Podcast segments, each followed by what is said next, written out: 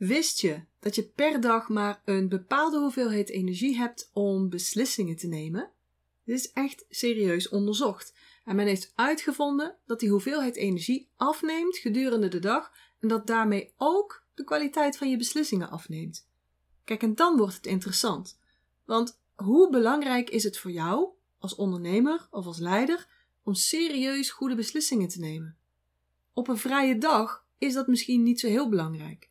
Maar op een werkdag waarop je je team aanstuurt of bezig bent met de strategie van je bedrijf, dan is het toch wel heel erg wenselijk, zou je denken.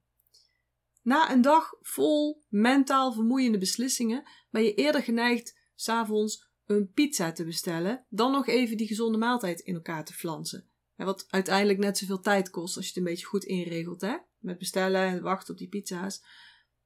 Zeker wanneer je van tevoren nog niet beslist had wat je zou willen eten of zou je gaan eten. Maar evenzo zul je na een dag met honderden alledaagse beslommeringen en afwegingen eerder slechte of overhaaste managementbeslissingen nemen. Het draait dus allemaal om die hoeveelheid beslissingsenergie. Nou maken we per dag ongeveer 35.000 bewuste of redelijk bewuste beslissingen. Per dag, is veel hè? Even ter vergelijking, een kind maakt er ongeveer 3000. Heel veel dus. Doe ik die broek aan of die rok? Uh, draag ik dichte of open schoenen? Eet ik muesli of een boterham?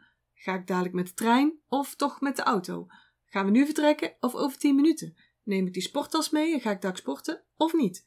Ga ik een boek lezen of ga ik alvast de boodschappen bestellen? Je hebt al zoveel beslissingen gemaakt voordat je überhaupt aan je werk bent toegekomen. En dan begint het echte werk pas, hè? Die serieuze beslissingen. Die 35.000 beslissingen zijn dus niet allemaal even belangrijk. Ik bedoel, welke schoenen ik aandoe, is toch van een heel ander kaliber dan welk budget ga ik dit jaar reserveren voor Google Ads? Of over welk onderwerp zal ik praten in deze podcast? En daardoor dus mensen aantrekken. Of schrijven in mijn blog. Is dus van een totaal andere rangorde.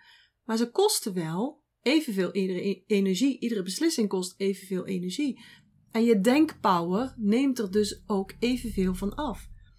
Die rangorde is dus best nuttig om je even in te verdiepen en om daar iets mee te doen.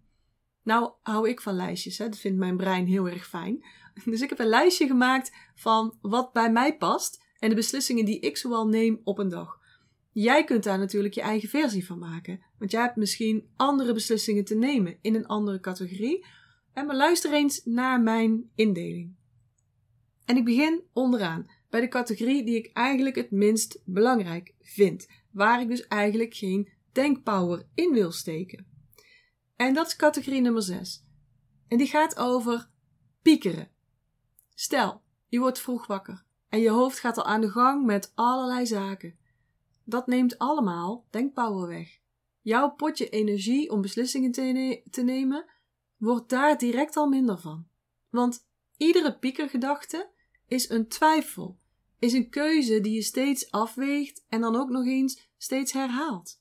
Piekeren, dus steeds herhalen en herhalen en herhalen van een gedachte en van wat zal ik ermee doen? Of wat had ik ermee moeten doen? Is dus een grote slurper van je goede beslissingen-energie.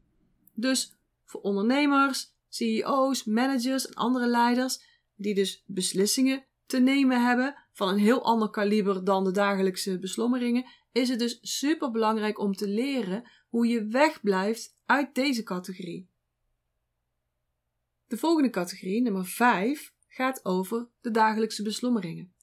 Deze categorie kun je niet helemaal vermijden, hè, want je zult toch ja, je zult jezelf echt moeten aankleden vanuit je naar je werk gaat. Je moet ook eten, er moeten ook boodschappen gedaan worden. Op welke manier dan ook zul je beslissingen daarin moeten nemen. Maar je moet wel, of je kunt wel, op heel veel vlakken dat aantal beslissingen verminderen. Zo zou je bijvoorbeeld aan het einde van de dag kunnen bedenken wat je de volgende dag aandoet. Scheelt weer punten op die dag. Of je kan, net als, heel, als, als die grote leiders, besluiten om maar een beperkt aantal outfits te dragen naar je werk. Net als bijvoorbeeld Steve Jobs of Obama doet dat ook altijd iets, een blauw pak en een zwart pak. En voor vrouwen ligt dat misschien een beetje anders, hè? Maar dat gedraal voor die kast, dat kost je gewoon kostbare denkpower energie. Zo gaat het ook met je boodschappenlijstje, ik noem maar iets. Doe dat niet aan het begin van je dag. Of beter nog, laat het iemand anders doen, want het kost jou kostbare beslissingsenergie. Ga ook sporten op vaste tijden, zodat je daar niet meer in hoeft te kiezen iedere keer. En snap je hoe je dus ook op dit vlak best wel kunt bezuinigen op die beslissingsenergie, zodat je dus meer denkpower overhoudt om beslissingen te nemen die met je ambitie bijvoorbeeld te maken hebben. Voor de volgende vier categorieën, die onderste vier, of die bovenste vier eigenlijk, hè, pak ik even terug op de vier zones van competentie, die ik ook al een keertje noemde in podcast 29 en 30. En die gingen over upper limit problems. Volgende categorie nummer 4 is de zone van onbekwaamheid. Alles waar je niet goed in bent en wat je niet leuk vindt, waar je dus geen bubbels van krijgt. Daar zou je eigenlijk niet je beslissing energie in moeten steken. Want ten eerste ben je er helemaal niet zo goed in, dus het kost veel meer denkkracht voordat je alles op een rijtje hebt en uiteindelijk dus tot een eindresultaat komt. Maar het geeft je ook nog eens geen energie. Er gaat dus meer energie in dan het oplevert. En dat is nou weer net niet Wu Wei. Dat is niet moeiteloos handelen.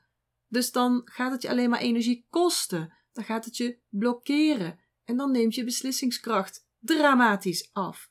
Je zit dan in de zone van afstoten. Ook niet waar je wil zitten. Dus mijn vraag aan jou is: wat zou nou bij jou onder deze categorie vallen? Dus wat valt bij jou onder categorie 4? Zone van onbekwaamheid, waarbij je niet zo heel goed in en vind je ook niet leuk. Wat valt er bij jou onder deze categorie en wanneer ga jij nou eens beslissen om daar iets anders in te gaan doen? Zodat je daar minder energie in steekt, minder beslissingskracht in hoeft te steken. Want het levert je niks op, trekt alleen maar ellende mee aan. Categorie 3. De zone van bekwaamheid. Voor ondernemers, CEO's, managers, andere leiders is dit, die laatste drie categorieën, echt wel heel erg belangrijk. Die zone van bekwaamheid, dat is wanneer je beslissingen neemt op een vlak van iets wat je wel kunt doen, maar waar anderen net zo goed in kunnen zijn. Van die zaken waar heel veel tijd en energie in gaat zitten. Beslissingsenergie maar die je in return helemaal niet zoveel bubbels gaan opleveren, helemaal niet zo blij maken. Dat is dus ook niet wu wei, is dus ook niet moeiteloos leven en werken. En vaak vergissen leiders zich ook in de hoeveelheid energie die gaat zitten in het zelf doen. Ik hoor het zo vaak. Waarom zou ik deze taak uitbesteden? Want het kost me minder tijd om het even zelf te doen dan het uit te leggen. En qua tijd klopt dit ook maar ze zien vaak niet in hoeveel mental space dit kost in hun hoofd. Het switchen tussen taken die jij hebt. En switchen van, van een belangrijke taak in een andere rangorde naar even dit tussendoor doen. Want jij kunt het in 10 minuten net zo snel zelf even doen. Dat switchen, dat kost bakken met beslissingsenergie. En die kun jij dus dadelijk niet steken in datgene wat echt, echt het allerbelangrijkste voor jou is. En voor de vooruitgang van je bedrijf bijvoorbeeld. Of voor de vooruitgang van wat jij te bereiken hebt. Dus, wat valt er bij jou onder deze categorie? Bij mij is dat bepaalde taken in mijn business, die doe ik niet zelf. Dat doet mijn VA, mijn assistent. Zo ook de boekhouding, ik moet daar wel iets voor aanleveren natuurlijk, maar verder gaat dat ook uit handen. Um, maar ook privé. Ik doe niet aan onkruidwieden bijvoorbeeld. Ik doe ook niet aan huis schoonmaken. Ik doe ook niet aan kleding vermaken. Dat, dat laat ik allemaal andere mensen doen. Maar ook bijvoorbeeld um, wanneer mijn moeder iets nodig heeft, dan, dan schakel ik mezelf eigenlijk ook niet in voor die klusjes. Dan regel ik dat iemand anders die klusjes voor haar kan doen dus ik, ik kijk echt waar steek ik mijn energie, waar steek ik mijn beslissingsenergie in. Dus wat valt er bij jou onder deze categorie? Dus wat kost dus heel veel beslissingsenergie en neemt dus ook denkpower weg van de beslissingen die je hebt te nemen om te komen tot het bereiken van je hoogste ambitie? Wat is dat voor jou? En wanneer ga je daar nou eindelijk eens iets aan doen? Want je weet het waarschijnlijk wel, maar wanneer ga je het nou doen? Wanneer ga je het belangrijk genoeg vinden om dus die beslissingsenergie zo groot mogelijk te houden, zo powerful mogelijk te houden en alleen in te schakelen of in zijn kracht in te schakelen voor datgene wat echt zo, zo, zo belangrijk is. Door naar categorie 2. Bijna bovenaan dus, hè? Categorie 2, de zone van excellentie. En als je al, al heel veel hebt geëlimineerd hè, in zone of, of categorie 3 tot en met 6, dan ben je natuurlijk al supergoed bezig. Maar voor de echte high achievers onder ons kan het nog net een stapje efficiënter. Met die mindpower dus, hè, met die beslissingskracht. En dat is door te kijken waar je nog kunt besparen op categorie 2, de zone van excellentie. Want die zone is nog niet je eindstation. Je eindstation is de beslissingen die je hebt te nemen in jouw zone of genius. En de zone of genius is wanneer je helemaal denkt en wanneer je helemaal handelt vanuit Wu Wei. Dus het moeiteloos creëren, het moeiteloos manifesteren. Dan ben je constant verbonden met je innerlijke leider, met je innerlijke wijsheid. Dan ben je constant in alignment met je bestemming. Dat wat jouw ziel gelukkig maakt. Dat wat jij te doen hebt op deze mooie aardbol dan stroomt het als water, krachtig en doelgericht, maar tegelijkertijd ook moeiteloos. Daar wil je zitten en daar wil je al je beslissingsenergie aan besteden. Je wilt niet dat het al opgaat aan, aan die andere categorieën voordat je hier aankomt en voordat je hier dus mooie stappen in kunt gaan zetten. En het paradoxale is trouwens wel dat wanneer je in deze zone denkt en handelt, dan kost dit haast ook geen energie. maar goed, door je denkpower te steken in die andere categorieën, kom je dus niet in die zone of genius. Dan kom je niet in dat moeiteloos creëren, in dat moeiteloos manifesteren. Dus categorie 2, de zone van excellentie. En die is vaak een beetje sneaky. Je hebt niet altijd door dat je je hierin beweegt als je niet goed voor ogen hebt en niet goed voelt hoe het is om in je zone of genius te bewegen. Dus dit vergt echt al wat soul searching, hè, wat deep diving, hè, om het voor jezelf helder te krijgen. Daarom is dit ook een belangrijk onderdeel van mijn traject, van mijn Master Your Energy traject, om daarmee in verbinding te komen. Dus die verbinding met je bestemming. Want dan weet je ook wat je zone van excellentie is. Want die zie je nu misschien als jouw zone of genius. Maar dat is misschien helemaal niet zo. De zone van dingen waar je echt, echt heel erg goed in bent, de zone van excellentie, daar kan je ook goed geld mee verdienen of carrière in maken. En toch is de gevaarlijke zone, want je kunt hier langer in blijven hangen dan goed voor je is. Maar het houdt je dus wel uit die volgende zone, die zone of genius. Maar de beslissingen die je neemt in deze zone slurpen wel die energie weg van je totale potje beslissingsenergie. En dan heb je dus misschien helemaal niks meer over voor die echt, echt belangrijke beslissingen die jij te maken hebt. Die maken dat jij moeiteloos leeft en werkt. Moeiteloos creëert en impact maakt. Moeiteloos manifesteert. Wu Wei. Dus wat is voor jou die zoon of excellentie? Voor mij, en dat noemde ik al in die andere podcast, was dat bijvoorbeeld mijn praktijk in acupunctuur. Daar was ik, of daar ben ik nog steeds, heel erg goed in. Ik heb wel meer dan 35.000 sessies gedaan. Ik had een succesrate van 95% en altijd, echt altijd een wachtlijst van drie tot in, de, in, het hoogseizoen zes maanden. Mijn inkomen was, nou ja, over de zes cijfers per jaar. Dus dat was voor mij wel een zone van excellentie, maar ik wilde meer. Ik wilde meer bereiken. Ik had honger om meer impact te maken eigenlijk ook. Op een groter vlak dan alleen maar de lokale omgeving waar ik mijn werk kon doen. Dus voor mij was dit een zone, een zone van excellentie. Dit is, nog, is het nog steeds. Maar niet mijn zone of genius. En die was ik ook een beetje aan het ontdekken en aan het um, uitvinden ook nog hoe dat zat. Dus wat is voor jou die zone van excellentie? Die dus nog onder de zone of genius hangt. Wat is dat voor jou? Ga dat eens onderzoeken. En wanneer ga je nou een beslissing nemen dat je daar minder beslissingsenergie in gaat steken? Oké, dit zijn dus mijn zes categorieën en waar je allemaal beslissingen in neemt. Die 35.000 beslissingen zijn dus altijd ergens verdeeld in een van deze zes categorieën. Althans, in de, in de indeling die ik gemaakt heb.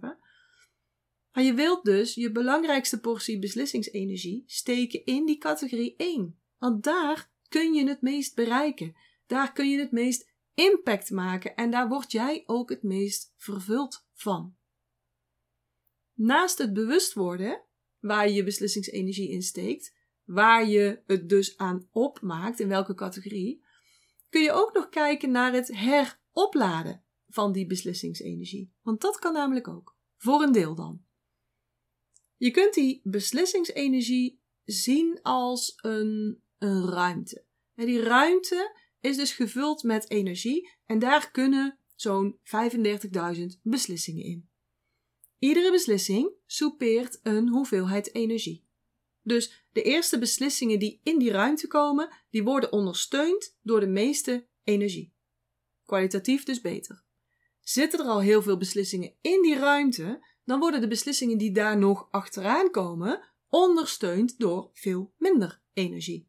En die hebben dus een mindere kwaliteit. Hè? Ik hoop dat je dat een beetje voor je kunt zien.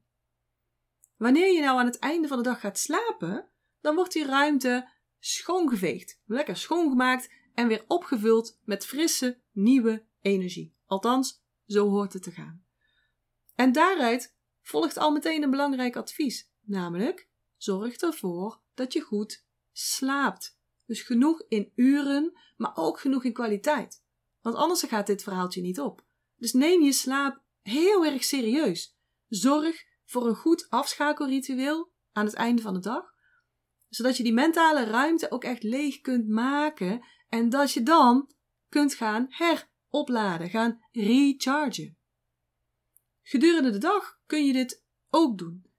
En dit geeft dan niet een volledige clean-up en een volledige recharge, maar je kunt er wel een deel mee opvangen. Hoe kun je nou meer ruimte maken in die mentale ruimte? Nou, bijvoorbeeld dus door een powernap te doen midden op de dag. En dat geeft je alvast een stukje opruimen en recharge. Maar wat nog effectiever werkt, is een meditatie doen. Want tijdens de meditatie krijg je, creëer je bij jezelf hersengolven die hetzelfde zijn als de hersengolven die je aanmaakt in de rem en in de diepe slaap. Nou is het wel zo dat als je nog nooit hebt gemediteerd en je gaat dit één keer doen, dat je dan nog niet meteen heel efficiënt diezelfde hersengolven aanmaakt en dus hetzelfde herstel hebt. Hè? Je moet hierin ook beter worden. Het is net als met zwemmen, net als met fietsen. Je moet het herhalen, herhalen, herhalen. Je moet echt vlieguren maken. En dan word je er beter in. En dan zul je ook merken dat je uh, effectiever aan het begin van die meditatie al effectiever en sneller in die juiste hersengolven terechtkomt. Wat ook heel goed werkt, zijn ademhalingsoefeningen. En er zijn speciale oefeningen die echt heel specifiek zorgen voor opruiming in die mentale ruimte. Zorg tussendoor ook voor afschakelmomentjes. Time dat bijvoorbeeld. Hè? Als je bijvoorbeeld zo lang hebt gewerkt, dat je er dan even afgaat. En dat je dan even afschakelt en ook geen scherm gebruikt. Dat je even los bent daarvan met je ogen. Want iets op een scherm op je telefoon kan misschien wel leuk zijn, maar dat is niet per se afschakelen. Leuk is niet per se afschakelen, want het is nog steeds mogelijk uh, data?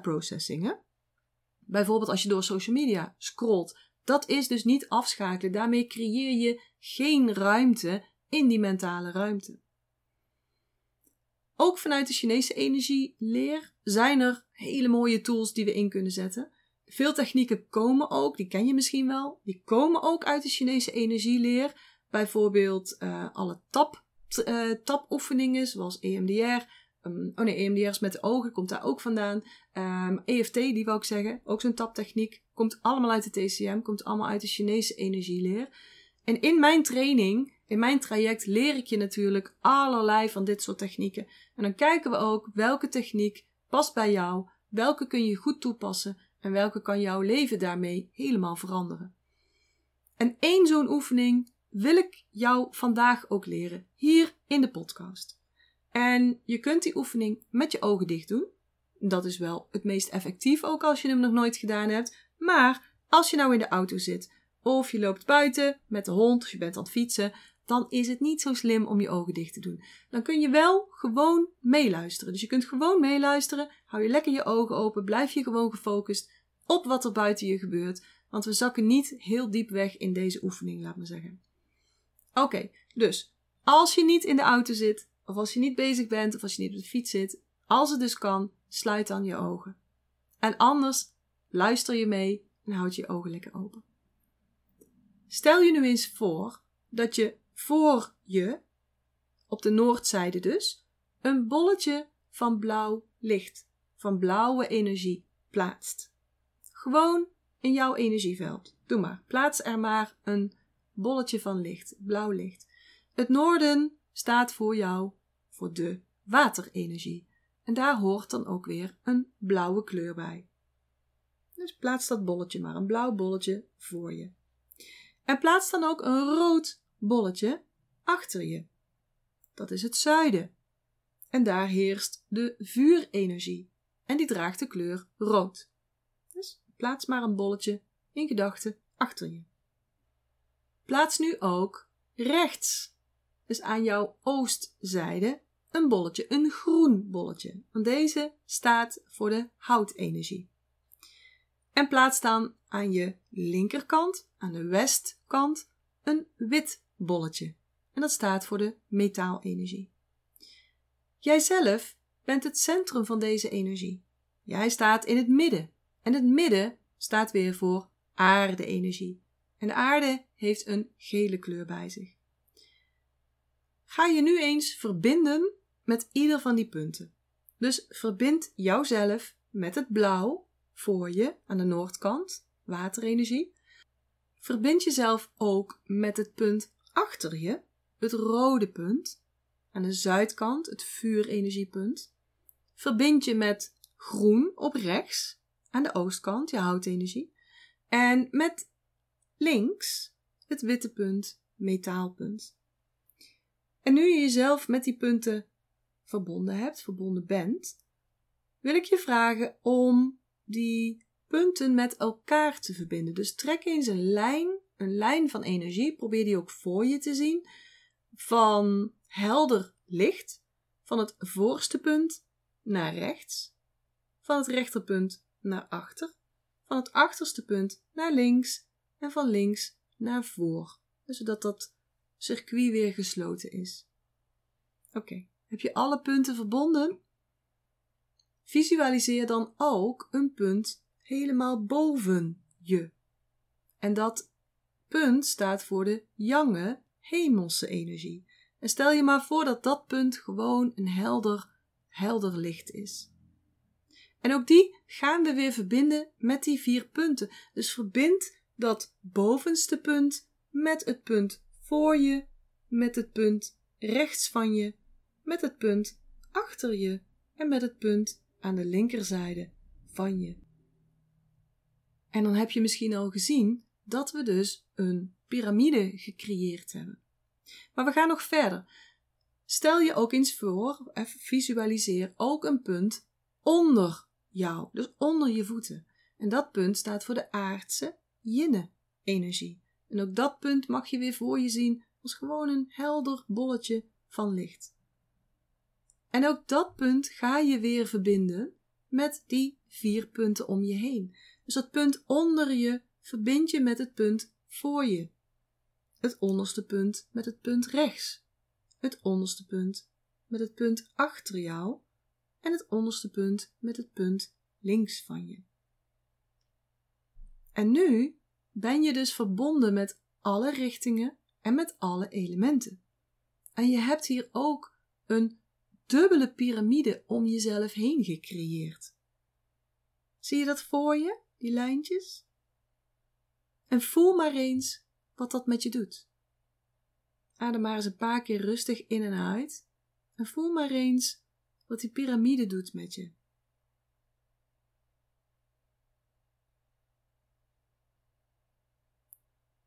En denk dan nu eens aan een taak die je heel veel bezighoudt. Die je misschien zelfs wel overweldigt. Iets werkgerelateerd. Je hebt zoveel te doen in een bedrijf. Dus voel eens welke taak houdt jou nu heel veel bezig en waar wil je heel even rust van, mentale rust creëren. Voel dan eens waar die taak zich nu in jouw energieveld zich bevindt. Bevindt hij zich in jouw lichaam? Zo ja, waar dan? Of bevindt hij zich misschien in de ruimte daaromheen, nog binnen die piramide? Waar dan? Hoogstwaarschijnlijk zit hij wel in die piramide of in je lichaam, want je bent er zo mee bezig dat het haast niet anders kan. Maar ga je nu leren hoe je daar wat afstand van kunt nemen? Voor zolang als jij dat wilt, hè? Je kunt hem ook weer terughalen. Want afstand nemen geeft ruimte in die mentale ruimte. Dus zie nog eens die vorm voor je van die dubbele piramide die we net hebben gecreëerd. Dat octahedron. En creëer nu nog eens zo'n dubbele piramide in het klein en plaats die ergens voor je in de ruimte, in je gedachten. Doe maar. En zie dat die dubbele piramide, die kleine, even krachtig is. Voel ook dat die even krachtig is. Zie hem maar voor je, ergens voor je in de ruimte. En neem nu die taak die jou zo opslokt, eh, opslokt, die jou zo bezighoudt, en plaats die in die dubbele piramide die je voor je hebt gezet.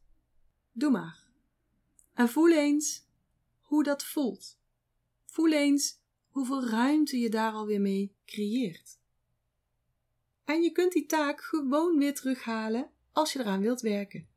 Als je daar dus beslissingsenergie in wilt steken, want dan haal je dat project gewoon weer terug. En het mooie is dat je dit met meerdere taken en met meerdere projecten kunt doen. Je kunt een soort van bibliotheek om jezelf heen creëren, of een soort van ja, kastsysteem van dubbele piramides, waar je dus taken in plaatst. En dit werkt echt heel erg goed. Dus ga het eens proberen, ga het eens doen, ga dat gebruiken. Sla deze aflevering op, zodat je hem nog wat vaker terug kunt luisteren. Stuur hem door naar een collega, naar een collega-ondernemer of leider die ook een vol hoofd heeft en die ook zo'n techniek kan gebruiken, die ook ruimte, mentale ruimte kan gebruiken. En laat mij dan ook eens weten hoe jij die oefening ervaren hebt. Vind ik altijd leuk om van je te horen. Dus stuur me een DM of stuur me een mailtje en laat me eens weten hoe jij die oefening ervaren hebt. Oké, nou, ik hoop dat ik je weer heb kunnen motiveren, kunnen inspireren. En ik hoop dat ik je ook weer heel veel energie heb mogen geven. Ik wens je een hele fijne dag. Vanuit Brabant zeg ik houdoe en dat betekent zorg goed voor jezelf. En ik uh, zie je heel graag weer terug hier in de volgende podcastaflevering. Ik hoop dat ik je weer heb kunnen inspireren en motiveren. En als dat zo is, zou ik het heel tof vinden als je deze Master Your Energy podcast zou willen delen. Bijvoorbeeld door een screenshot te maken en die te delen op social media. Waar je me ook heel erg blij mee maakt, is een waardering en een review. Bijvoorbeeld in iTunes, Apple Podcasts of in Google. En uh, hoe meer sterren, hoe meer bubbels. En abonneer je dan ook meteen even op dit kanaal of ga me volgen op Spotify. Dan mis je nooit meer een aflevering.